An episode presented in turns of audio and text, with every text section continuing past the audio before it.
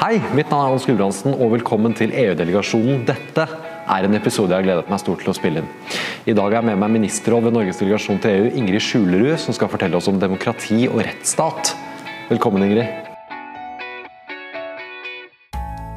Nå, eh, Det siste året så har jeg jobbet med demokratiutfordringer i Europa. Intet mindre. Det er jo et stort tema.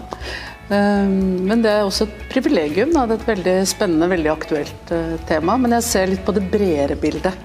Så jeg har eh, et litt bredere blikk enn det jeg har hatt tidligere i mine jobber her. Mm.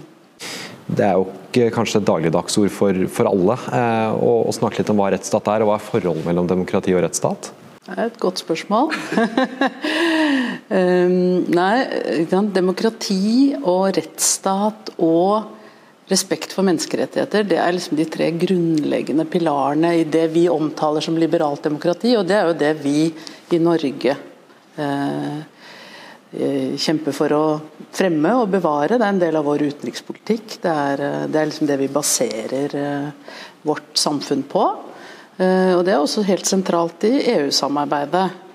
Eh, demokrati er jo først og fremst hvordan vi velger de som skal styre.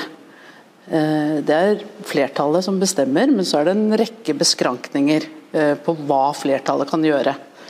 Eh, og En av de beskrankningene ligger i rettsstaten. For rettsstaten sikrer på en måte at flertallet kan ikke gjøre alt mulig. Det fins regler og det fins bestemmelser om hvordan lover skal utformes. og Det skal være likhet for loven, og rettsapparatet skal være uavhengig, og en rekke andre krav. Men rettsstaten og demokratiet går hånd i hånd.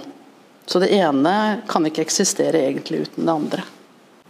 Dette er jo kjempespennende å høre om, men, men, når du sier at du, du, jobber med dette, hvordan jobber du da? Ja, hvordan jobber jeg da? Nei, Nå er det jo pandemi, så nå jobber jo alle veldig annerledes. Ehm, men eh, min jobb er jo å følge med på utviklingen og rapportere om det. Ehm, og Det er jo også en stor debatt i EU om disse spørsmålene. Så jeg følger den debatten og rapporterer om det. Og så inngår jeg også i det arbeidet som forbereder eh, forhandlinger om EØS-midler. Eh, fordi der har vi også hatt et fokus på demokrati og rettsstat og sivilsamfunn og den type spørsmål eh, som et bidrag til, til dette arbeidet, som, som er, også står sentralt i EU. Men kan man måle demokrati på noen måte? Nei, Det er det. Det er et godt spørsmål. Um, altså Vi måler jo alt mulig i, i verden i dag. Vi måler uh, eh, FNs uh, bærekraftsmål, vi måler uh, klima, vi måler jo alt. Um, og vi kan også måle demokrati. Det fins store forskningsmiljøer som, som, jobber med dette. Um, et er i Gøteborg, som heter 'Varieties of Democracy'. Eh, vi har amerikanske som Freedom House, vi har Verdensbanken måler det, og vi har The Economist. Har noe som heter Democracy Index. Den kom for ikke så lenge siden, den siste der.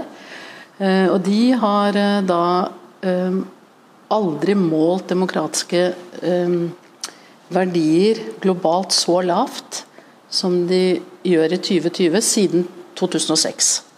Så de har altså en 14 år med nedgang um, i det globale bildet, altså standarden for demokratiet. Det betyr ikke at alt går i gal retning, men det betyr at det er en trend um, som er ganske negativ, og som, som, det er viktig å se litt uh, sant, følge med på.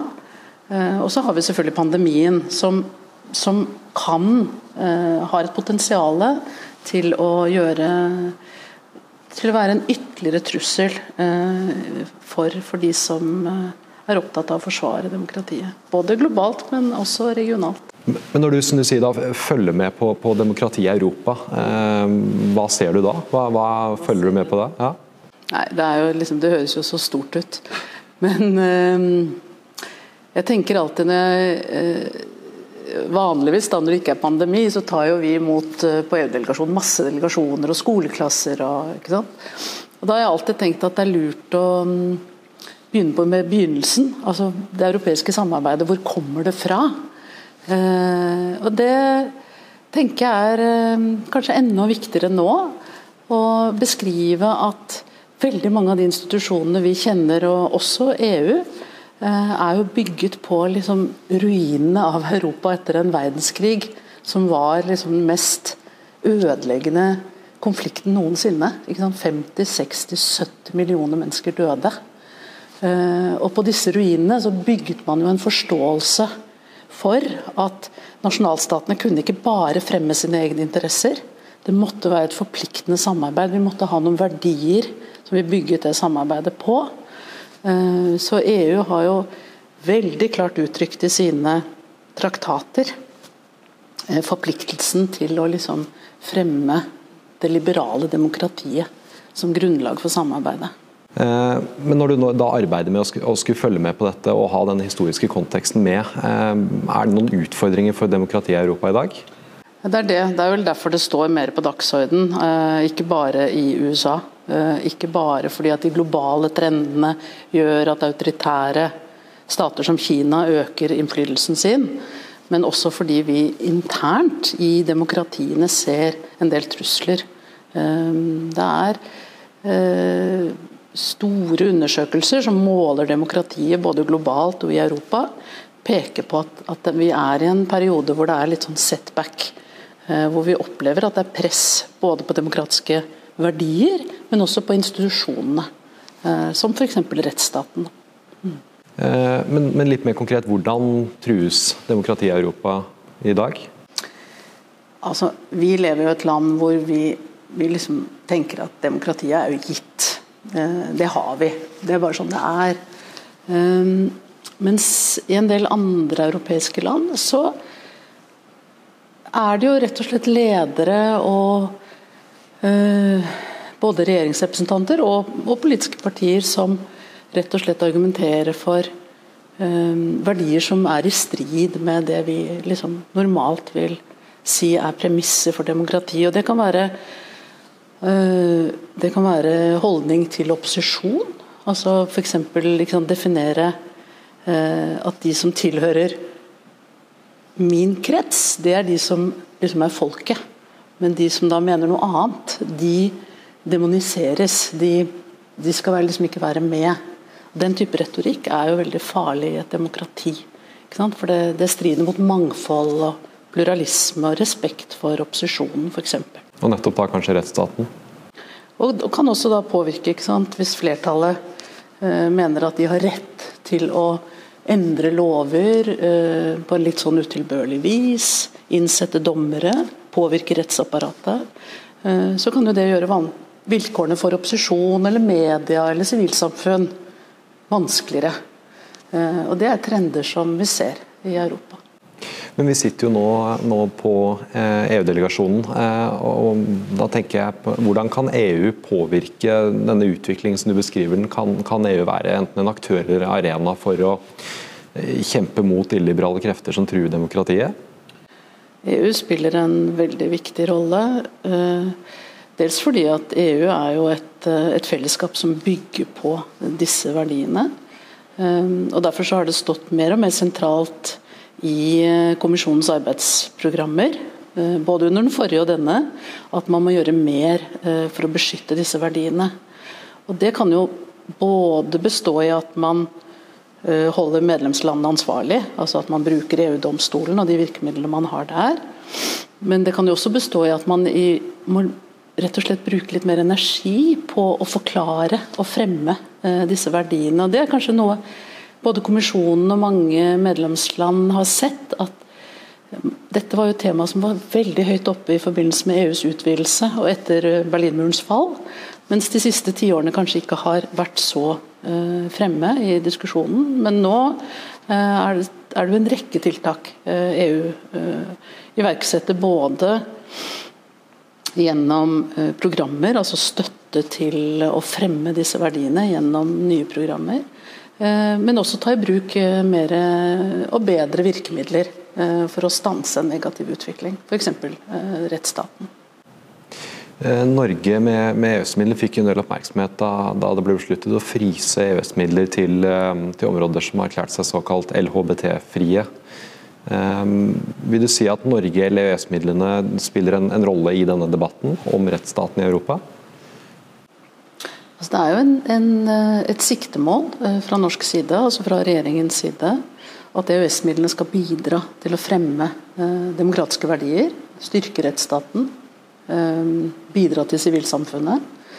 Eh, så sånn sett så spiller jo vi også en rolle eh, i dette store, komplekse puslespillet da, som det er å, å, å liksom forsvare demokratiet. Nå er jo jeg spesielt fokusert på det som truer det. Eh, men, det er klart I I global sammenheng så fremstår Europa som en, en, eh, sant, en boble av demokrati.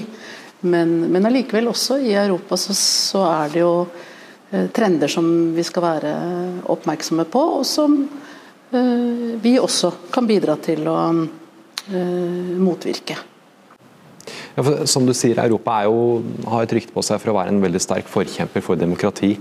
Eh, hva gjør det for Europas, eh, for EUs eh, rykte som en global aktør, når det eksisterer en, en demokratidebatt på den måten de gjør nå? Nei, jeg, tror akkurat som vi har sett uh, i USA, ikke uh, som tradisjonelt har vært en uh, forkjemper for demokratiutvikling i verden, Eh, så har Europa hatt eh, det som et eh, veldig viktig kjennetegn, som vi var inne på.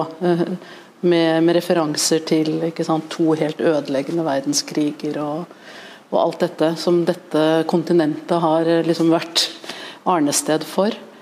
Um, og derfor også lagt veldig stor vekt på, på, demokratiske verdier. Så det er klart det gjør noe med Europa, og, og det er jo også veldig synlig i dokumentet fra kommisjonen. At, eh, at uh, dersom Europa skal ha troverdighet uh, ute, så må man jo også ha troverdighet i dette arbeidet hjemme. Det gjelder jo for, for alle. Ehm, ja, for jeg vil eh, litt til EU eh, e sto i fjor overfor en, en debatt, eh, en budsjettkrise, hvor rettsstatsprinsipper spilte en rolle. Kan du fortelle litt om det? Det er riktig. Altså, vi har ikke snakket så mye om pandemien, men du vet, pandemien rammer jo selvfølgelig helsemessig Europa hardt. Det har store økonomiske konsekvenser. Og EU har jo derfor vedtatt altså et historisk stort budsjett eh, for å bidra til å gjenreise og, og få økonomien i gang igjen. 1,1800 milliarder euro er totalen i budsjettet og denne gjenoppbyggingspakken. Det er jo enorme uh, penger vi snakker om. I den forbindelse, så, og før sammen med budsjettet, så la kommisjonen fram et forslag hvor man ønsket å sikre seg at man også hadde verktøy som gjorde at man ikke um, brukte penger der hvor rettsstaten rett og slett kunne føre til at uh, midlene ble misbrukt.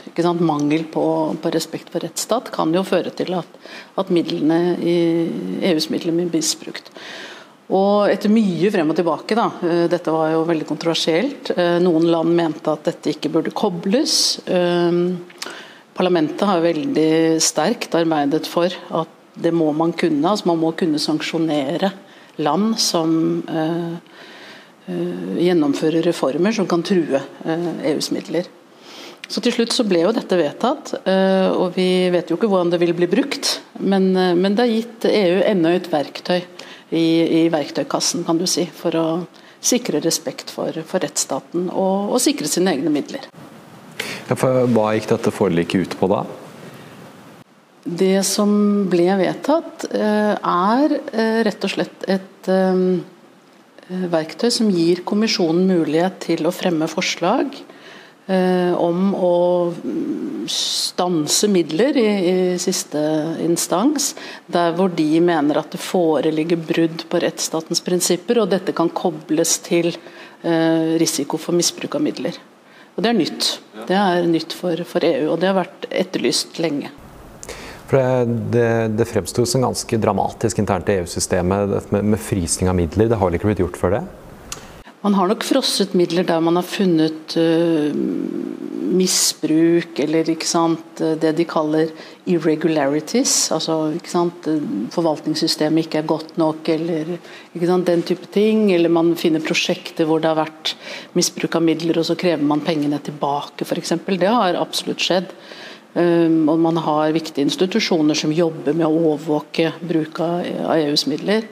Men dette med å koble misbruk av midler til liksom, rettsstatens funksjon, det, det, er det som er nytt. Uh, så nå skal det utarbeides retningslinjer for, uh, for denne forordningen, og så får vi se uh, hvordan de eventuelt kommer til å iverksette denne type tiltak.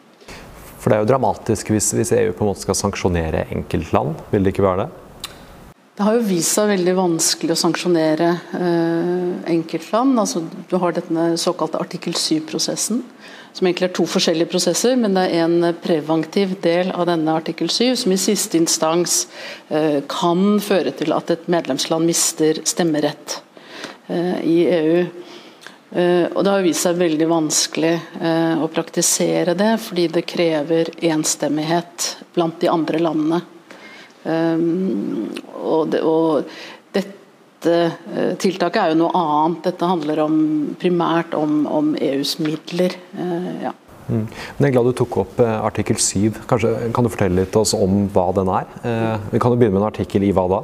Ja, Artikkel 7 i EU-traktaten åpner for og Den er ikke bare koblet til rettsstaten, den, den, åpner for at et land som ikke respekterer de grunnleggende verdiene som vi snakket om innledningsvis, nemlig demokrati, eh, likebehandling, menneskerettigheter, rettsstat altså Det er et bredt sett av verdier eh, nedfelt i artikkel 2 i EU-traktaten. Um, og Artikkel 7 er rett og slett en artikkel som sier noe om hva man gjør med land der eh, disse verdiene eh, eh, utfordres i, i liksom stor grad.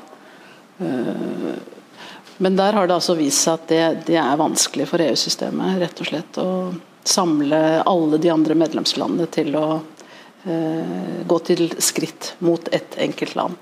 Det har skjedd eh, også tidligere, men eh, det har vist seg svært, svært vanskelig. Hvorfor er det så vanskelig? Nei, altså det er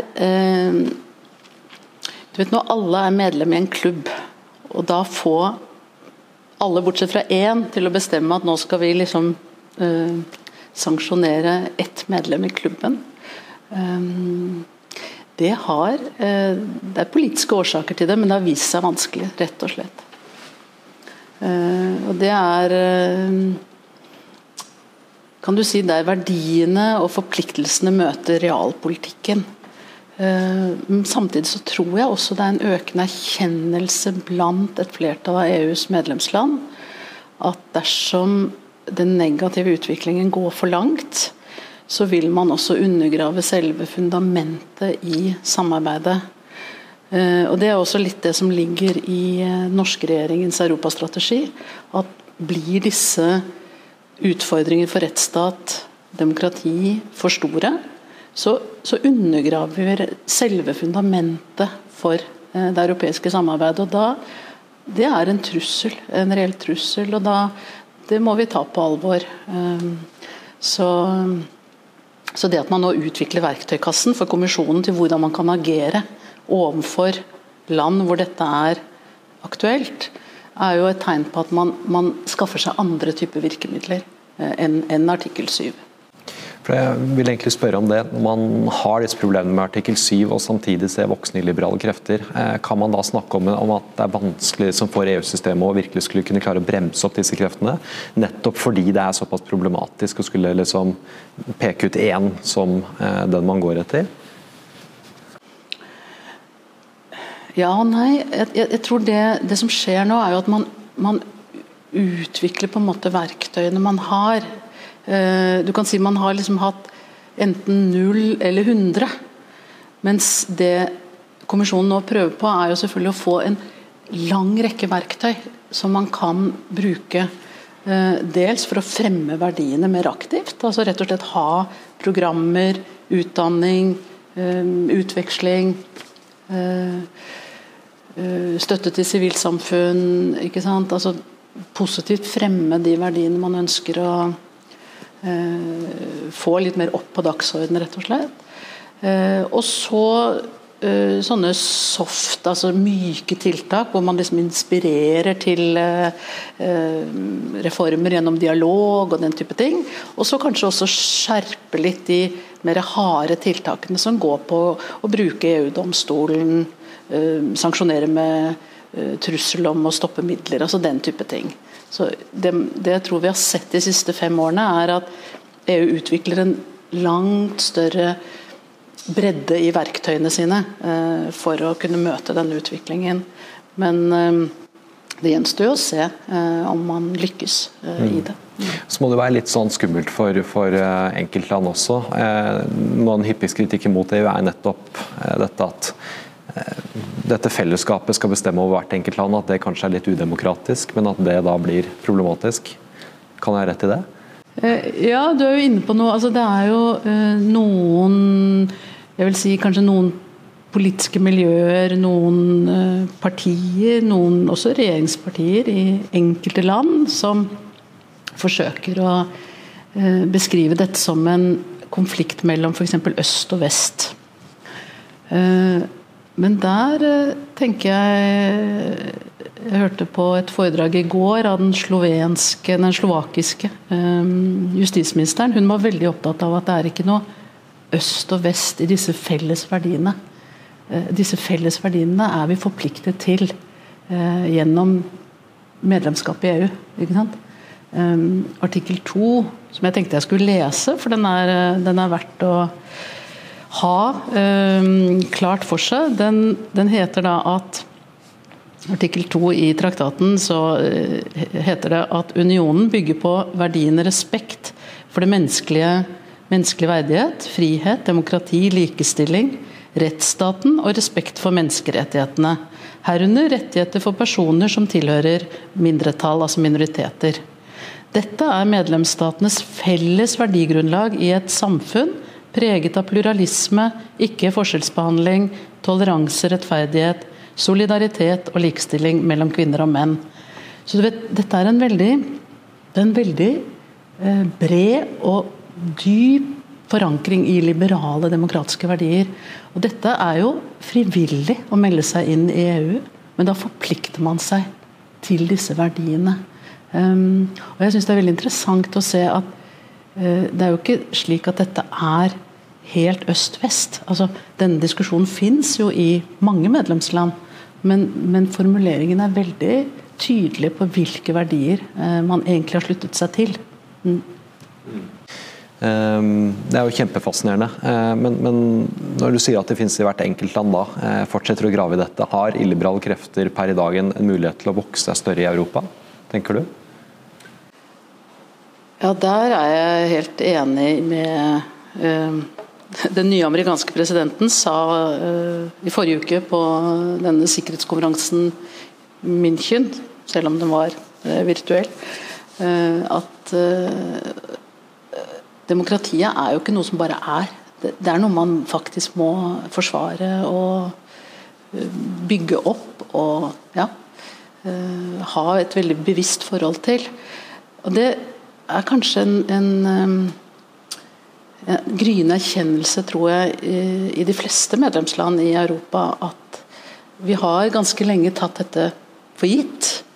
Um, og Vi har vært veldig opptatt av sant, å forbedre levestandard, sikre sysselsetting, um, fremme forskning, skape bedre handelsvilkår og den type ting. Men kanskje vi også må i litt større grad sette selve liksom, dette å forsvare og fremme demokratiet som en arbeidsoppgave. Um, og Det er jo litt det kommisjonen nå gjør uh, også ved å, å, lage et helt nytt program som, som de ikke har hatt før. Um, som, som, skal ha som siktemål å fremme uh, demokratiske verdier. og Det er et program som skal ha et budsjett på altså 600 millioner euro. 6 milliarder kroner skal de bruke på det. og det, det, er jo veldig interessant for oss å følge, for det er jo noe av det, de temaene vi også har vært opptatt av. Mm. Hvordan berører dette oss? Ja, det berører oss dels fordi at eh, vi har et veldig nært samarbeid med EU. Um, jeg tror det heter i, i regjeringens europastrategi, og det er liksom marsjordren for alle som, som jobber i, i, for UD i Europa, at uh, vår sikkerhet og fremtid er, sant, ligger i Europa. Et trygt Europa er eh, absolutt nødvendig for eh, vår frihet. Um, og vi har vår største økonomiske samarbeid sant, selvfølgelig med EU. Uh, og det var 60-70 avtaler som vi har inngått med EU. Så utviklingen i EU er helt avgjørende uh, for, for Norge. Samarbeider Norge i noen grad med EU om å forsvare rettsstatsprinsipper? Vi gjør jo det indirekte, fordi at eh, dersom rettsstaten forvitrer i EUs medlemsland, så kan det være en direkte trussel også for EØS-samarbeidet. Sånn at vi, vi, samarbeider jo indirekte eh, med EU eh, på dette. Eh, og så tror jeg også vi i stigende grad kommer til å søke og se hvordan vi kan både følge dette arbeidet tett, som, som vi gjør, men også hvordan vi kan kanskje enda mer aktivt støtte opp om de initiativene kommisjonen har tatt på dette området.